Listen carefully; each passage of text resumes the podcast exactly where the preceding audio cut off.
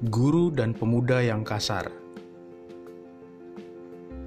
Pada suatu hari yang cerah, seorang guru muda berjalan melintasi sebuah desa. Walaupun usianya baru menginjak dasawarsa ketiga, namun kepandaian dan kebijaksanaannya terkenal di seluruh penjuru negeri. Tiba-tiba saja langkahnya dihentikan oleh seorang pemuda yang bertumbuh tinggi besar beraut wajah merah, tampak marah dan tidak senang. Hei, katanya kasar. Anda itu tidak berhak mengajari orang lain. Kemudian pemuda ini mulai berteriak menantang dan menghina guru muda ini. Tahu tidak, Anda ini sama saja bodohnya dengan orang lain. Punya kepandaian sedikit saja sok tahu badan begitu kecil, nyalimu cukup besar ya. Ayo, kalau berani kita berkelahi. Dengan wajah tenang sambil tersenyum, sang guru muda malahan balik bertanya. Teman, jika kamu memberi hadiah untuk seseorang, tapi seseorang itu tidak mengambilnya, siapakah pemilik hadiah itu? Si pemuda terkejut karena tiba-tiba diberi pertanyaan yang aneh.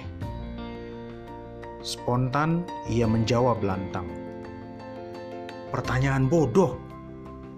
Tentu saja, hadiah itu tetap menjadi milikku karena akulah yang memberikan hadiah itu.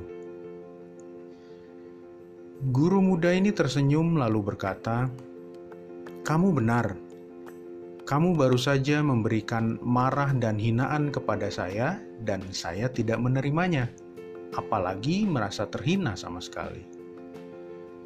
Maka kemarahan dan hinaan itu pun kembali kepadamu, benar kan? Dan kamu menjadi satu-satunya orang yang tidak bahagia, bukan saya. Karena sesungguhnya melampiaskan emosi kemarahan adalah sebuah proses menyakiti diri sendiri membangkitkan sel-sel negatif di dalam diri.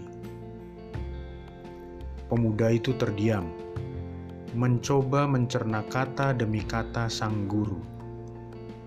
Kepala dan hatinya seperti tersiram air dingin ketika mendapat sebuah kesadaran baru.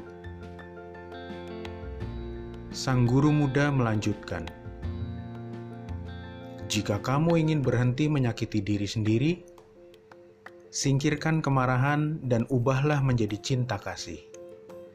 Ketika kamu membenci orang lain, dirimu sendiri tidak bahagia, bahkan tersakiti secara alami.